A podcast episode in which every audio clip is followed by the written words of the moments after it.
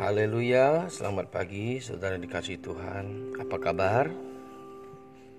Doa saya saudara senantiasa ada dalam kasih karunia dan anugerah Tuhan terpelihara oleh kebaikan Tuhan yang saya percaya saudara-saudara selalu ada dalam hidup kita dalam segala keadaan yang kita hadapi. Khususnya hari-hari ini, saudara, ya kita mungkin sedang berhadapan dengan kondisi yang begitu kurang menyenangkan karena kita tidak bebas bergerak, tidak bebas beraktivitas, saudara-saudara. Bahkan saya membaca di eh, Pontianak Post, beberapa hotel di Pontianak telah merumahkan karyawannya dan tidak ada kegiatan di hotel itu sampai hampir 200 orang saudara mengalami dirumahkan tentu ini sesuatu yang kita tidak kehendaki. Namun saudara-saudara, bila itu berimbas juga kepada kita, saya mau beritahu saudara-saudara, uh, Tuhan memeliharakan kita semua. Pada satu bagian ayat yang saya tergerak untuk membacakan kepada saudara-saudara, pada waktu Tuhan Yesus mengalami uh, pencobaan di padang gurun, ya kita tahu dalam Injil Matius pasal yang keempat Sesudah dibaptis, Tuhan Yesus dibawa oleh roh kepada gurun, kata firman Tuhan. Saya bacakan saja mulai yang pertama, Matius pasal 4 ayat yang pertama. Maka Yesus dibawa oleh roh ke padang gurun untuk dicobai iblis. Dan setelah berpuasa 40 hari dan 40 malam, akhirnya laparlah Yesus. Lalu datanglah si pencoba itu dan berkata kepadanya, "Jika engkau anak Allah, perintahkanlah supaya batu-batu ini menjadi roti. Tetapi Yesus menjawab, "Ada tertulis, manusia hidup bukan dari roti saja, tetapi dari setiap firman yang keluar dari mulut Allah." Dalam pencobaan ini, saudara-saudara, kita melihat iblis berusaha datang mencobai Tuhan ya ketika dia sudah berpuasa 40 hari dan 40 malam saudara satu tentu tidak mudah melewati masa 40 hari 40 malam saudara dia Tuhan Yesus harus berpuasa. Lalu dalam kondisi yang begitu lapar membutuhkan makanan dan minuman tiba-tiba iblis menawarkan sesuatu hal saudara-saudara yang kedengarannya secara ilahi masuk akal karena Tuhan Yesus bisa saja melakukan mujizat maka dia berkata dalam ayat ketiga, lalu datanglah si pencoba itu dan berkata kepadanya, jika engkau anak Allah, perintahkanlah supaya batu-batu ini menjadi roti.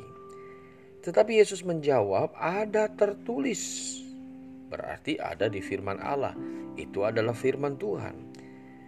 Apa yang ditulis di situ adalah manusia hidup bukan dari roti saja, tetapi dari setiap firman yang keluar dari mulut Allah. Iblis berusaha saudara melemahkan iman Tuhan Yesus. Iblis berusaha menyuruh Tuhan Yesus melakukan sesuatu pada waktu itu. Untuk melakukan mujizat, untuk mengubah batu menjadi roti. Cukup masuk akal saudara-saudara secara manusiawi kita berpikir mungkin. Karena saat itu Tuhan Yesus memang sangat membutuhkan makanan. Tetapi jawaban Tuhan Yesus berbeda dengan kemauan iblis. Tuhan Yesus berkata, manusia hidup bukan dari roti saja, tetapi dari setiap firman yang keluar dari mulut Allah. Saya mendapat dua pengertian minimal dari ayat ini, saudara. Pengertian yang pertama ialah bahwa iblis tidak tidak saudara artinya begini, jangan pernah menerima masukan dari iblis. Sungguh pun itu masukan yang masuk akal. Begitu kira-kira. Jadi ketika iblis berkata perintahkan batu ini menjadi roti, saudara sekali lagi itu masuk akal. Kita butuh makan di saat lapar. Tetapi saudara-saudaraku terkasih, sebaik apa pun saran iblis, sebaik apa pun yang menjadi masukan iblis, saudara-saudara, jangan pernah mentaatinya. Tetap saja itu bukan dari Tuhan. Sesuatu yang bukan dari Tuhan tidak pantas kita taati. Saya tidak berbicara tentang hal-hal yang berkaitan misalnya dengan uh, himbauan ataupun peraturan pemerintah kita harus mentaati itu semua saudara-saudara. Tapi khusus berhubungan dengan iblis tidak ada satupun saudara-saudara yang pantas ditaati. Nah, bagian pertama saudara perkataan Tuhan Yesus ini mengandung arti bahwa kita jangan pernah menuruti dorongan ataupun motivasi ataupun masukan dari iblis. Sungguh pun secara manusia sekali lagi saudara itu nampaknya masuk akal. Ya, itu pertama saudara. Hal yang kedua saudara perkataan Tuhan Yesus ini menyiratkan kepada kita bahwa saudara memang kita hidup perlu makan. Setiap orang perlu makan saudara. Kita makan tiga kali sehari ya bahkan mungkin saudara minimal ada yang sampai empat kali sampai berapa kali makan saudara-saudara tetapi intinya Tuhan Yesus berkata bahwa manusia hidup tuh bukan sekedar dari makanan saja ya betul kita membutuhkan makanan iya benar kita membutuhkan minuman. Tetapi manusia hidup kata firman Tuhan bukan sekedar dari itu saja tetapi dari setiap firman yang keluar dari mulut Allah. Pemeliharaan sejati yang terjadi dalam hidup kita, saudara-saudara, tidak sekedar dari apa yang kita makan dan minum, saudara-saudara, secara jasmani, tetapi apa yang kita terima dari Tuhan secara rohani, itulah yang juga menghidupkan kita. Sebab itu, saudara-saudaraku terkasih, mungkin dalam kondisi hari-hari ini kita mungkin ada sedikit masalah dengan keuangan, mungkin ada sedikit masalah dengan kebutuhan kita sehari-hari, saudara-saudara. Saya mau katakan kita tetap harus kuat, kita tetap percaya pada Tuhan. Kita bukan malas bekerja, tetapi mungkin sedang tidak ada pekerjaan. Kita bukan tidak mau melakukan aktivitas mencari uang, tapi mungkin juga kita sedang sulit mencari uang hari-hari ini. Dan kemudian kita menghadapi masa-masa yang tanda kutip lapar mungkin saudara-saudara. Satu hal saya mau beritahukan kepada kita, ingatlah bahwa manusia hidup bukan dari roti saja, tapi dari setiap firman yang keluar dari mulut Allah. Tuhan sanggup peliharakan kita, Tuhan sanggup menjagai kita, Tuhan sanggup menolong kita dalam segala perkara, saudara-saudara. Roti jasmani penting, tapi roti yang dari Tuhan itu lebih penting. Sesuatu yang kita bisa makan sehari-hari itu penting, tetapi saudara firman Allah itulah yang terpenting. Saudara-saudara, mari kita terus menggantungkan hidup kita. Kita tidak tahu sampai kapan pandemi ini akan berakhir. Tapi saudara-saudara, satu hal yang pasti, saya percaya Tuhan memeliharakan hidup kita. Sebab itu saudara-saudara terkasih tetap semangat, tetap mengandalkan Tuhan, tetap hidup dalam kebenaran, tetap mencari wajah Tuhan. Di mana pun kita berada, mungkin tidak bisa di gereja, tapi minimal kita bisa mencari Tuhan di rumah bersama keluarga kita. Satu hal pesan saya, tetap kuat, tetap semangat, tetap sehat.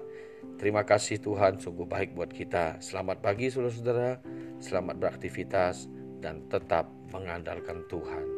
Haleluya.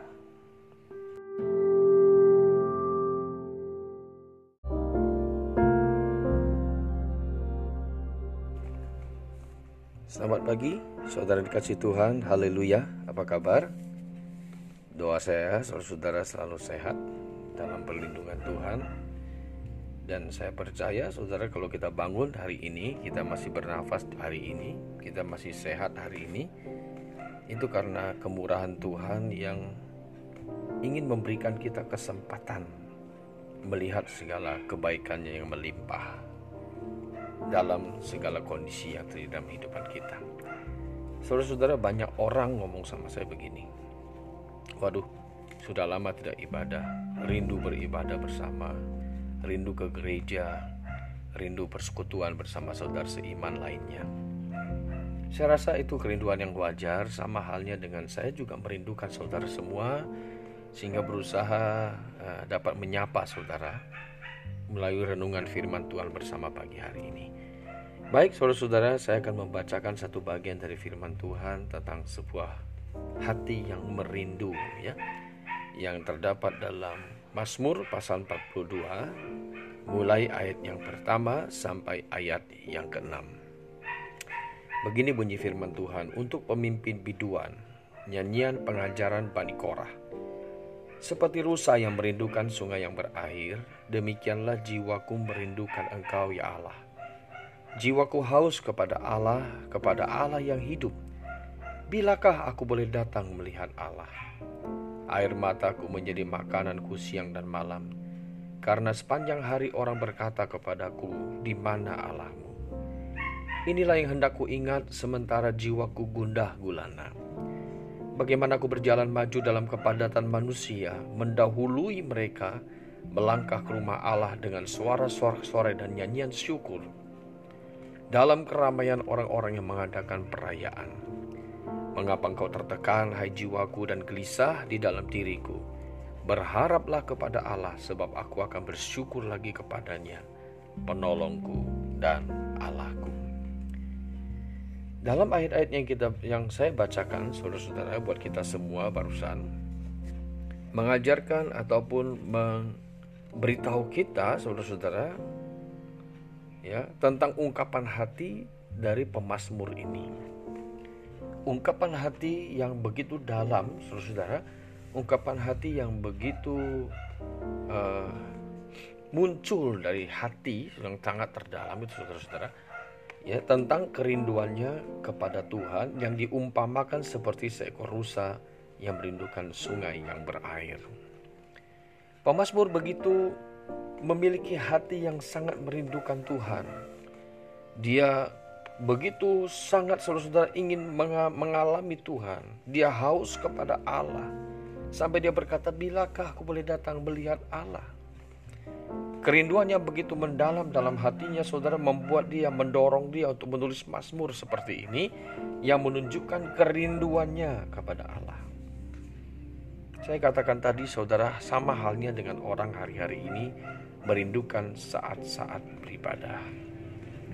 Rindu kembali berkumpul, rindu kembali bersama-sama saudara seiman memuji dan menyembah Tuhan. Dan ini sesuatu yang tentu wajar sekali buat kita semua. Saya yakin saudara juga memiliki kerinduan yang sama. Ya, memang untuk hari-hari kita masih terbatas, saudara-saudara, dengan kondisi-kondisi seperti ini, saudara-saudara. Tetapi itu tidak menghilangkan, saya berharap saudara tidak menghilangkan semangat iman kita untuk terus bertumbuh di dalam Tuhan. Kerinduan kepada Tuhan ini begitu penting Ya, kerinduan kepada Tuhan ini begitu berarti bagi si pemazmur dan saya juga harap berarti buat kita, Saudara. Dan saya mau katakan selama kita memiliki waktu, kita masih punya kesempatan, Saudara, untuk mengalami Tuhan, untuk mengalami sesuatu yang besar bersama Tuhan. Mari kita terus memiliki hati yang mau merindukan Tuhan. Karena ada saatnya nanti, saudara-saudara, kerinduan itu hanyalah tinggal sebuah kerinduan yang tidak akan terrealisasi oleh apa pun. Jadi mumpung hari ini saudara-saudara kita masih memiliki kesempatan, kita masih memiliki kerinduan akan Tuhan. Jadi kita pupuk terus. Nah, dan ketika kita pun memiliki waktu untuk persekutuan, jangan pernah saudara menyia-nyiakannya. Supaya suatu hari kita tidak berkata, betapa aku merindukan engkau Tuhan. Namun kerinduan itu hanyalah kerinduan yang tidak akan pernah terbalaskan. Tuhan berkati seluruh saudaraku terkasih. Selamat pagi, selamat beraktivitas, tetap sehat, tetap semangat, dan jalani hari-hari ini bersama dengan Tuhan. Haleluya.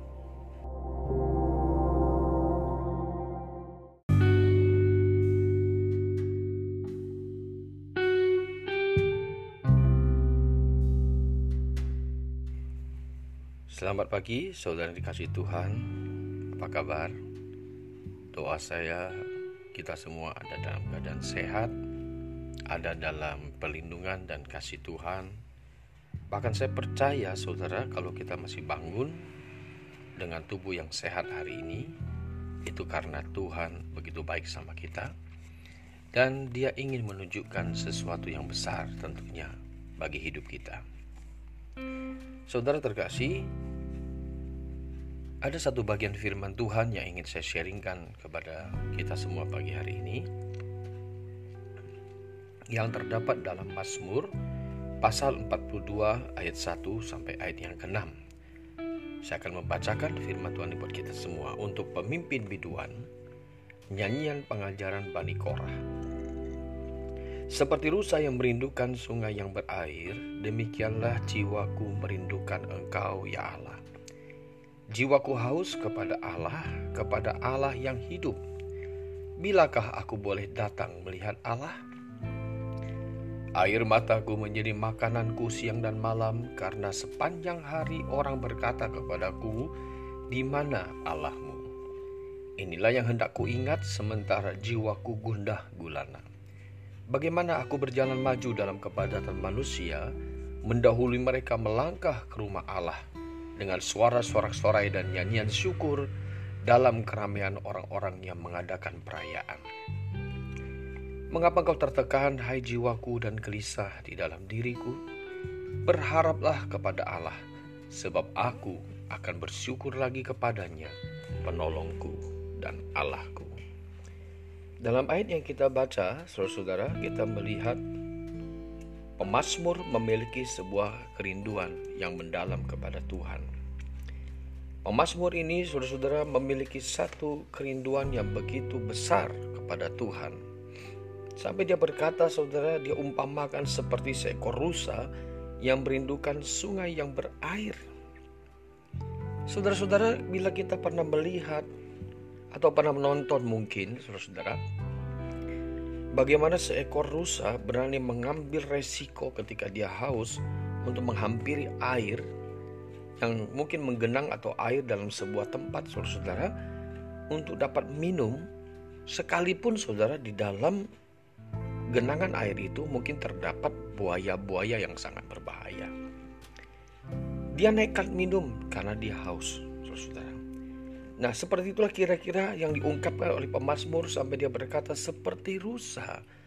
Saudara dengan segala resikonya, saudara-saudara, ya, dengan segala kemungkinan-kemungkinan yang dia hadapi, dia memiliki kerinduan yang mendalam kepada Tuhan dan bagi dia kerinduan itu jauh lebih penting ya seperti rusa yang merindukan air ya, daripada segala mungkin mara bahaya yang, yang mengancam hidupnya.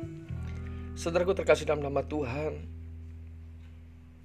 dia bahkan berkata, air mataku menjadi makananku siang dan malam. Kenapa sampai air mata itu menjadi makanan siang dan malam? Dia menangis siang malam, terus kira-kira begitu. Karena dia memiliki satu kerinduan yang begitu kuat kepada Tuhan. Karena dia memiliki satu kerinduan yang begitu besar kepada Tuhan. Saudara-saudara, hari-hari ini kita lihat dan banyak disampaikan sama saya, pada saya. Beberapa saudara mengatakan mereka rindu untuk beribadah. Mereka rindu untuk persekutuan. Mereka rindu untuk beribadah di gereja. Nah, saudara-saudara ini satu kerinduan yang wajar, satu kerinduan yang ya, saudara-saudara, satu kerinduan yang memang akan ada ketika kita ini saudara-saudara sudah sulit mendapatkannya. Memang saudara manusia punya kecenderungan begini. Waktu sesuatu itu ada, dia biasa-biasa saja. Tapi ketika sesuatu itu tidak ada, dia akan merindukannya. Ya, sama ya, kurang lebih samalah dengan kita saudara merindukan ibadah hari-hari ini. Tetapi apa yang mau saya katakan kepada kita, saudara-saudara, marilah kita merindukan Tuhan terus menerus saudara dalam hidup kita tidak saja pada saat-saat di mana kita membutuhkannya, tetapi saudara setiap saat dalam hidup kita, marilah kita dapat memiliki kerinduan, memiliki hati yang merindukan Tuhan. Dan saya percaya saudara bila kita rindu kepada dia, dia jauh lebih rindu kepada kita. Bila kita ingin menghampirinya, maka saya percaya dia lebih ingin menghampiri kita. Sebab itu saudara-saudaraku terkasih, hargai waktu yang Tuhan berikan, Bila nanti sudah waktunya pandemi ini akan berakhir dan kita akan beribadah bersama, saya berharap saudara-saudara kita menghargai kesempatan itu. Kita menghargai waktu-waktu itu sehingga kita terus bersekutu, hidup dalam persekutuan satu dengan yang lain. Dan saya mengatakan persekutuan itu bukan sekedar sebuah persekutuan yang karena kita merasa rutinitas atau harus kita lakukan, tetapi karena kita memiliki kerinduan kepada Allah. Saudara, biarlah sekali lagi kerinduan kita kepada Tuhan ini tidak hanya ketika kita membutuhkan atau ketika kita jarang mendapatkannya waktu untuk bertemu saudara tetapi biarlah kerinduan itu terus menerus ada dalam hati kita. Pada saat kita tidak ada kesempatan maupun ketika kita memiliki kesempatan kita memiliki kerinduan yang sama. Dan saya percaya saudara-saudara Tuhan akan menyatakan dirinya buat kita bila kita memiliki hati yang selalu merindukannya. Baik, saudara-saudaraku terkasih, terima kasih kita sudah sharing dan belajar firman Tuhan bersama kiranya itu menjadi berkat buat kita semua. Doa saya saudara semua dalam keadaan sehat dan diberkati Tuhan, terus maju dalam Tuhan, terus percaya Tuhan melakukan hal-hal yang besar bagi hidup kita untuk kemuliaannya dan mendidik kita untuk hidup dalam kebenaran. Tetap semangat, tetap jaga kesehatan saudara kita kasih. Selamat beraktivitas dan Tuhan Yesus memberkati kita semua. Amin. thank you